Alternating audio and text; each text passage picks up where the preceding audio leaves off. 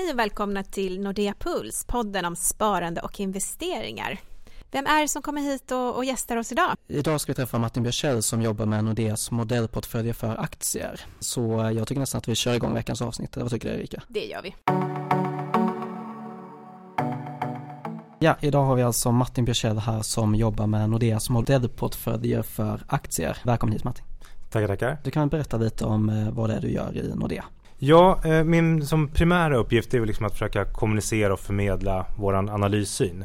Ehm, och det kan vi göra, eller det gör vi både direkt mot kund i eh, kundmöten eller eh, produkter eh, i form av morgonbrev och annat. Men också eh, som en support ska jag säga till våra, våra aktiemäklare.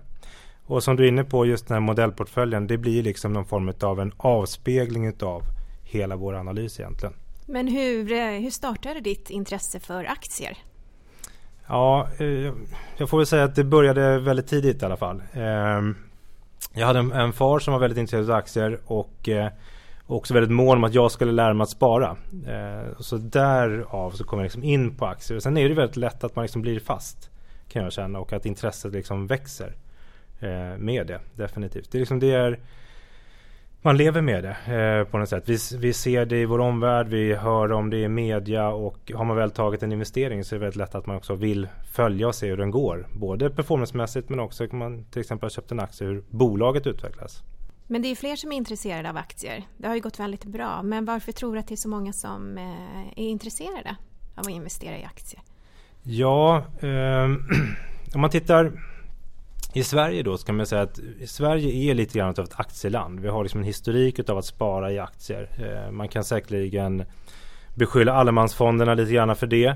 Eh, men samtidigt så precis som jag säger, utvecklingen tror jag är jätteavgörande. Eh, att faktiskt aktier har avkastat så pass bra som det har gjort. Tittar man tillbaka, framförallt Stockholmsbörsen. Tittar man tillbaka de senaste hundra åren så är Stockholmsbörsen en av de bästa aktiemarknaderna. Eh, och sen så om man liksom tittar i sentid så tycker jag det finns andra saker också som teknologisk utveckling eh, som har förenklat sparandet i aktier. Eh, oavsett om man köper en aktie separat eller man väljer att eh, fondspara eller köpa en annan typ av produkt. Så det, det finns många, många anledningar tror jag till det. Men eh, varför tycker du att man ska investera i aktier? Ja, först och främst, eh, jag får väl återkomma då till liksom avkastningspotentialen. Jag tycker liksom att aktier, eh, precis som liksom vi har i vår rådgivningsmodell, en väldigt viktig byggsten och en avgörande byggsten ska jag säga för ett långsiktigt sparande. Ehm, och det är avkastningspotentialen. Inte minst nu kanske när räntorna är så extremt låga. Samtidigt tycker jag man ska vara väldigt medveten om liksom riskerna som finns med aktiemarknaden och kanske spe en specifik aktie. så. Det finns ju många sätt att liksom undvika risker. Det mest eh, påtagliga är att man liksom försöker sprida riskerna mellan bolag. Men i rådgivningsmodeller och annat så pratar man också väldigt mycket om att liksom sprida med olika tillgångslag. Eh, men med det sagt så aktiemarknaden har performat väldigt väl eh, och är en väldigt viktig del i ett sparande. Men man brukar ju säga att aktiemarknaden går upp på lång sikt. Men varför är det så egentligen? Ja, eh, så har det varit än så länge i alla fall. Att liksom efter en varje sättning så har liksom aktiemarknaden repat sig. Och det, så kommer det nog troligtvis fortsätta att se ut. Och basen till liksom, eller utgångspunkten till varför liksom aktiemarknaden stiger det är egentligen att eh, vinsterna växer, att världen växer och att eh, således också vinsterna växer.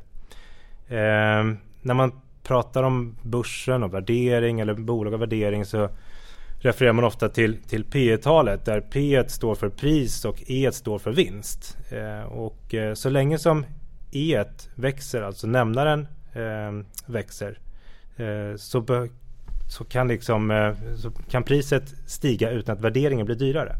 Så att det är väl en av orsakerna. Ska säga. Och plus att u-världen utvecklas. Vi blir mer eh, lönsamma, vi, vi produktutvecklar och det sker massa intressanta saker. Så det finns det är också en, en annan orsak skulle jag säga. Mm, jag tänkte att vi kan gå in lite på modellportföljerna. Eh, hur ser tankarna ut bakom dem? Eh, grundtanken är ju liksom att den ska modellportföljen. Vi har två modellportföljer. Eh, en svensk och en nordisk. Sen har vi en icke-nordisk lista också. Men om vi stannar vid liksom modellportföljerna så är de baserade på våran syn. Både när det gäller nordisk eller svensk aktiemarknad, alltså den strategisynen kan man säga, mer övergripande. Men också så ska den liksom spegla vilka sektorer och framförallt vilka bolag som, som vi gillar i respektive sektor. Så att det är egentligen en, en produkt utav analysen, vilket eh, som ska få till följd att har vi rätt, eller har analytikerna rätt, så ska också utvecklingen för, för modellportföljen vara bra. Om vi går in lite på den svenska modellportföljen så har ni SEB, Autoliv och Investor som största innehav just nu. Eh, hur har tankarna gått där? Eh, man kan väl säga så att vi har ju förstås en, en massa bolag eh, och eh, Investor, om vi börjar med den, alla bolag som vi har i portföljen finns där utav eh, på liksom egna meriter kan man säga. Men eh, självklart, Investor, där får man en ganska bred exponering. Eh, det är ett investmentbolag eh, som de flesta känner till eh, med en massa underliggande innehav och de innehaven när man köper Investor, de får man till rabatt. Och bara det är liksom fördelaktigt tycker vi. Samtidigt så tror vi att den här rabatten kommer att minska med tiden. Nu är den lite lägre än man kanske har varit historiskt men det är en trend som vi tror kommer att fortsätta. För allting som de har i portföljen är inte eh, börsnoterat utan det finns onoterade innehav också. Och där finns det alltid en liten osäkerhet kring värdet eh, på saker och ting. Men ju mer man kommunicerar, ju tydligare man blir där så borde också den här värderingsrabatten kunna komma ner. Så det är liksom ett, det är en ganska bra byggsten generellt sett i, i en portfölj att, att ha ett investmentbolag i grunden om man gillar de underliggande, underliggande innehaven ska jag säga. Eh, och så, så har vi SEB till exempel och det finns det också i Investor. Eh, men vi har den också separat och banken är ju en jättetung sektor eh, på Stockholmsbörsen. Så att, att vara utan bank, eh, det vore en väldigt stor risk skulle jag säga. Samtidigt så, så när det gäller bankerna så förordar vi i dagsläget företagsbanker framför privatbanker. Vi menar på att konkurrensen och inträdesbarriärerna på företagssidan Eh, från nischbanker till exempel är högre på företagssidan än på, på privatsidan. Eh, och kanske då inte minst just nu då när vi har en, en, eh, en, bo, en bomarknadssituation som är, eh, under, som är ifrågasatt och högst osäker kan också komma att påverka just bolånemarginaler och bolånetillväxten. Eh, så därför så har vi SE-banken som bankerna generellt sett okej okay värderingar och goda direktavkastningar. Och så hade vi Autoliv också. Och så Autoliv, en eh, långkörare i portföljen skulle jag säga. Eh, har funnits där ganska länge. Också haft eh, sina toppar och dalar. Eh, varför vi har den kvar, varför vi har den just nu, det bygger på att det här bolaget har kommunicerat att man ska dela upp sig i två. Eh, den, den passiva och den aktiva säkerheten kan man säga. Och en sån här uppdelning tror vi kommer att synliggöra eh, värden. Att 1 plus 1 blir mer än 2 eh, och eh, att marknaden i dagsläget faktiskt prissätter det här lite för lågt. Då. Så att det är en, ett bolag som är ett kvalitetsbolag med, med goda marknadspositioner och goda marknadsförutsättningar som, där vi tycker att värderingen är, är attraktiv kan man säga. Mm, lite mer, alltså hur tänker ni, hur, ungefär hur många bolag försöker ni ha i portföljerna? Ja, vi, eh, i, i båda portföljerna så ligger vi någonstans eh, runt 20 stycken bolag. Eh, och det är liksom inte som noga uträknat så att det är liksom den optimala eh, antalet bolag. Utan det är ett ganska lagom eh, kluster för att eh, kunna få en, en god spridning eh, sektormässigt och, och indexmässigt. Eh, och eh, samtidigt så tycker jag att man får liksom tillräckligt god utväxling på sina så kallade bets, alltså vilka bolag man väljer. Eh, har man en alltför för bred portfölj eh, då får man inte riktigt den effekten och har man en alltför smal portfölj ja då tar man kanske lite väl stora risker då. Så att eh, vi ligger runt 20 stycken innehav kan man säga. Och har ni några särskilda strategier som ni följer? Den, den, mest grundläggande strategin det är liksom att följa, följa vår egen analys. Eh, men sen har vi liksom andra eh, tankar och, och, sätt att angripa det här eh, utifrån till exempel kvantitativa metoder. Eh, och då finns det massa intressanta alltså, investeringsstrategier där man tittar på eh, tillväxtbolag som är rimligt prissatta eller kvalitetsbolag eh, till en, en, rimlig värdering. Eller varför inte värdebolag eh, där vi ser kanske en katalysator som kan få upp värderingen. Då. Så det är väl egentligen de, de tre eh, mest påtagliga skulle jag säga. Men om vi går in på själva aktieanalysen. Hur går en sån till på en analysavdelning? Eh, ja, det är förstås, alltså om man tittar på aktieanalys generellt sett så handlar det om att försöka göra eh, så goda antaganden om framtiden som möjligt. Eh, men man måste förstås också göra förenklingar utav både världen och, och framtiden. Eh, men väldigt mycket handlar om att försöka se hur eh, tillväxtförutsättningarna ser ut för ett bolag. Hur konkurrensen, hur dess, dess omgivning ser ut. prispress och, och marginalutveckling. Det kan ju vara alltifrån prispress men också Eh, möjligheter att eh, kanske skära kostnader. Ehm, så att det, det är liksom en, en, en summa utav allting men det bygger ju väldigt mycket på eh, antaganden både om vår omvärld men framförallt antaganden som man kan göra efter att man har träffat bolag eller skapat sig en uppfattning om en, en sektor till exempel. Men hur många analytiker ingår i det teamet som du jobbar i? Eh, totalt så är vi ungefär 40 stycken analytiker på Nordea. Eh, då har vi eh, analytiker i de samtliga de nordiska länderna och täcker ungefär 300 bolag. Eh, I Sverige eh, så är vi förstås färre men det är också den största marknaden. Vi täcker drygt 100 bolag, nästan 120 tror jag. Eh, och i snitt, jag räknade ut det, så, så täcker en analytiker 10 bolag per, per huvud ungefär. Men det är väldigt stora skillnader. Eh, det kan vara eh, den som täcker eh, minst bolag täcker fyra och den som täcker flest täcker hela 16 stycken. Men där kan man väl säga att man försöker att följa en sektor eller åtminstone bolag som har liksom liknande affärsmodeller och liknande drivkrafter. Så att är det så att man följer banker, ja då finns det kanske inte så många fler än fyra att följa. Medan om man följer fastighetsbolag så finns det betydligt fler. Och hur ofta har man kontakt med företagsledningen? Också väldigt olika, olika beroende på eh, kontakten skulle jag säga, eh, med, eller relationen med, med, med, bolaget.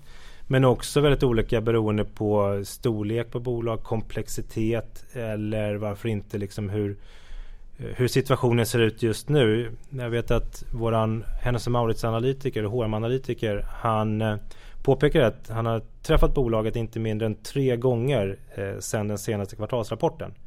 Eh, och däremellan säkerligen också haft en del samtal och mejlkommunikation. Eh, eh, och det skulle jag säga, det, det, det är mycket. Eh, så det, men det är väldigt varierande. Normalt sett kan man säga att jag tror att man stämmer av med bolagen inför eh, bolagsrapporter eller kvartalsrapporter. Eh, och sen så i samband med kvartalsrapporterna då har ju bolagen sina uppdateringar som blir ganska officiella så. Och där kan man också då bygga eh, sina slutsatser utifrån det. Buy-side och sell-side är något som man brukar höra talas om. Kan du förklara skillnader på de olika och hur de jobbar? Ja, eh, vi använder oss av många sådana här engelska begrepp och uttryck eh, som man kanske inte riktigt alltid kan förstå. Men eh, om man ska försöka förklara det. Buy-side skulle jag säga det är, det är eh, oftast de som förvaltar kapitalet. Eh, fond, eh, fondbolag, eller eh, eh, och de som egentligen köper tjänster utav det som vi kallar för sell-side. Eh, Eh, jag som jobbar på en analysavdelning eh, på en investmentbank, jag tillhör sell-side. Så jag säljer kan man säga analys eh, och vi säljer förstås andra tjänster också. Medan då de som ska förvalta pengarna och, och, och så, de är själva köparna. Ett annat begrepp som vi brukar slänga oss med det är konsensus. Vad är konsensusförväntningarna eller marknadens förväntningar egentligen då? Det bygger oftast på vad, vad eh, säljsidans förväntningar är. Vilket absolut inte behöver vara detsamma som, som köpsidans. Och om vi går över lite på den vanliga aktiespararen. Eh, vad är viktigast att fokusera på? Ska man fokusera på nyheter, årsredovisningar, nyckeltal? Ja, det där är ju också väldigt, väldigt svårt förstås. Ehm, men eh, jag tycker att man bör nog fokusera på eh, lite av varje faktiskt. Eh, för de säger oss lite olika saker. Där eh, årsredovisningar och, och nyhetsflöden generellt i media säger oss väldigt mycket om, om bo, hur bolaget går och mår. Eh, kanske både idag men också framöver, vad strategierna är. Medan nyckeltalen de sätter ju mer liksom en, en, en, prislapp eller en värdering på någonting utifrån olika eh, förutsättningar. Så att därför så tycker jag att man, man bör, nog, bör nog ha med båda sakerna i åtanke. Eh, det är kanske enklast att relatera till liksom en, en, en, story så att det här är ett bolag som jag tror på, jag tror att de kommer fortsätta att växa. Eh, men för att det ska vara värt att investera i så ska det också vara prissatt därefter och det är inte alltid som det är det. Finns det några nyckeltal som du tycker man ska ha extra koll på? Eh, vi pratade tidigare om, om det här P-talet till exempel. Det är väl kanske det mest använda. Eh, kan ibland vara eh, lite missvisande och funkar inte alltid. Men det är väl liksom ett grundläggande nyckeltal. Ehm, där det förstås då är viktigt att eh, ha en åsikt om vad det här är, eller vinsten, vad det är på väg någonstans. Ehm, både för att eh, kunna avgöra om, om, om värderingen idag är låg men också hur snabbt som värderingen kanske kan bli, bli låg. För Det kan vara som så att det här P talet är högt idag. Men om vinsttillväxten är väldigt, väldigt hög så växer bolaget snabbt in i sin värdering och då kan det vara helt okej. Okay. Så att eh, det här P talet eller värderingen är av, säger inte så mycket enskilt. Man måste också titta på hur vinstförutsättningarna ser ut. Eh, andra sådana här enkla nyckeltal som jag tycker kan vara bra att hålla lite koll på också. Det är eh, eh, dividend yield eller direktavkastning. Man sätter utdelningen i relation till aktiekursen. Så att eh, den, den är också visar lite grann på hur bra bolaget mår eh, och hur mycket pengar som de kan avvara eh, efter förvärv och investeringar till oss eh, aktieägare kan ses lite grann som en kudde eh, för en långsiktig investerare kanske som ett, nästan som ett alternativ till, till en ränta. Eh, även om det är att hårdra lite grann. Eh, och det finns en, en, mängd fler beroende på liksom vilka sektorer man tittar på. För banker så brukar man prata om att man tittar på, på bokfört värde eller price book och, och investmentbolagen som vi har varit inne på pratar man mycket om, om substansrabatten. Eller som i vissa fall till och med en substanspremie beroende på hur, hur marknaden ser på portföljen och sådär. Men när ska man sälja en aktie? På toppen. Såklart. Såklart. Ja. Men finns det någon, eh, hur kan man tänka? Finns det någon eh, strategi som man kan eh, sätta upp? Det är, återigen, jag tror att liksom när, man, när man väl tar sitt investeringsbeslut och, och köper någonting så har man nog en, en liten tes framför sig. Det, den, den den storyn ska man försöka leva med och se lite grann hur, hur bolaget levererar på det. Eh, så att det, det kan vara e, en, ett sätt att titta på. Liksom fortsätter bolaget att leverera i linje med vad de själva säger eller vad jag förväntar mig. Eh, och sen ska man väl också titta förstås på eh, värderingen. Eh, har den sprungit iväg väldigt mycket? Oftast när man vill sälja någonting så kanske det har gått ganska bra. Man vill liksom ta hem en vinst. Eh, och eh, det behöver inte vara som så att aktien egentligen har blivit dyrare. Ja, i absoluta tal, men inte värderingsmässigt. Utan återigen, det kan vara som så att de har, har utvecklats väl. Men, men, märker man att värderingen är hög till exempel i jämförelse med sin historik eller jämförelse med eh, förväntad tillväxt eller konkurrenter så kan ju det vara ett, ett, eh, ett läge att kanske ta hem en vinst. Eh, ofta så tar vi hem vinster kanske lite för tidigt. Eh, det är väl det, det, vanligaste. En annan sak det är väl eh, när det just gäller att sälja det är att vi tenderar att gifta oss med aktier. Att vi, liksom blir, vi blir lite kära i dem eh, och har svårt att sälja dem även när storyn kanske har förändrats. Så man, därför så återigen, jag kommer tillbaka till det. Att man bör nog liksom ha en liten koll på, är det någonting som har förändrats i, i utsikterna i, eh, gällande det här bolaget som gör att jag kanske ska göra en omvärdering och eh, helt enkelt eh, lämna aktien. Men du Martin, har du några förebilder inom investeringsvärlden som du inspireras av? Ja, egentligen inte eh, skulle jag säga. Det finns ju många jätteduktiga investerare. Man hör om, om namn som, som Buffett med flera. Eh, och det är många av dem som återkommer till det är ju någonstans liksom att sunt förnuft, investera i, i sånt som du kan förstå. Eh, skapa dig en egen uppfattning som aktieinvesterare. Vi kan aldrig skylla på någon annan. Eh, vi kan få tankar och idéer från från, eh, från någon men det är till syvende och sist alltid jag som måste fatta mitt beslut. Eh, och det kan egentligen bara vara baserat på liksom, den bild som jag har. Och Långsiktighet är normalt sett också eh, ganska gott. Fram, tittar vi på många av de här bolagen som eh, poppar upp eh, så kommer de, många av dem kommer att växa och bli väldigt, väldigt stora. Eh, och medan andra kanske kommer att för, försvinna. Så liksom, den resan är ju jätteviktig. Och tittar vi tillbaka bara hur det varit under min tid så har vi sett bolag som har vuxit eh, och försvunnit. Och omformats till nya former av bolag. Jag tänker till exempel på Ericsson och Nokia som inte alls är vad de var eh, tillbaka på slutet på 90-talet och, 2000. Men de lever och eh, de, de gör andra saker idag. Hur sparar du själv? Ja, ja eh, jag, jag, sparar lite grann. Jag försöker spara förstås. Eh, har man lite grann över så måste man spara. Eh, och eh, jag måste säga att med det regelverk som jag har på mig så är det väldigt, väldigt svårt att just köpa enskilda aktier. Eh, däremot så, så, sparar jag gärna i, i, i aktiefonder. Och eh, hittar jag någon aktie eh, som eh, vi eh, inte har täckning på eller som jag får köpa utan att det är några konstigheter så skulle jag kunna tänkas göra det också.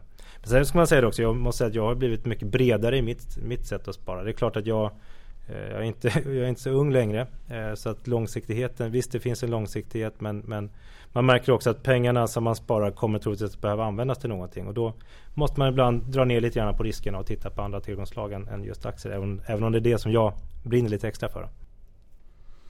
Jag tänker om vi ska ta och försöka sammanfatta dagens avsnitt. Vad är de tre viktigaste delarna att ta med sig? Eh, aktiemarknaden är eh, intressant och rolig. Det är lätt att man fastnar i den. Det är nästan som en, som en drog. Eh, den har eh, goda avkastningsmöjligheter. Eh, dock förknippade med, med risker. Eh, när man investerar i aktier eh, Titta inte bara på en sak utan titta på fler saker. Eh, framtidsutsikter men också glöm inte bort eh, prissättningen, alltså själva värderingen. och fundera på hur, hur, när du behöver pengarna, hur långsiktig du behöver vara. Eh, det är väl några grundbultar åtminstone. Ja men då får vi tacka så jättemycket för att du kom hit idag Martin. Tack. Och eh, som sagt så vill vi ju jättegärna ha in feedback och frågor från er som lyssnar. Så skicka gärna det till nordeapuls.nordea.se och där ska det vara ett E på slutet av puls. Eller så har vi även ett frågeformulär som ligger på Nordea Investors hemsida och det är alltså investor.nordea.se. Och ja, det var alltså allt vi hade för denna veckan så vi säger tack och på återhörande nästa vecka.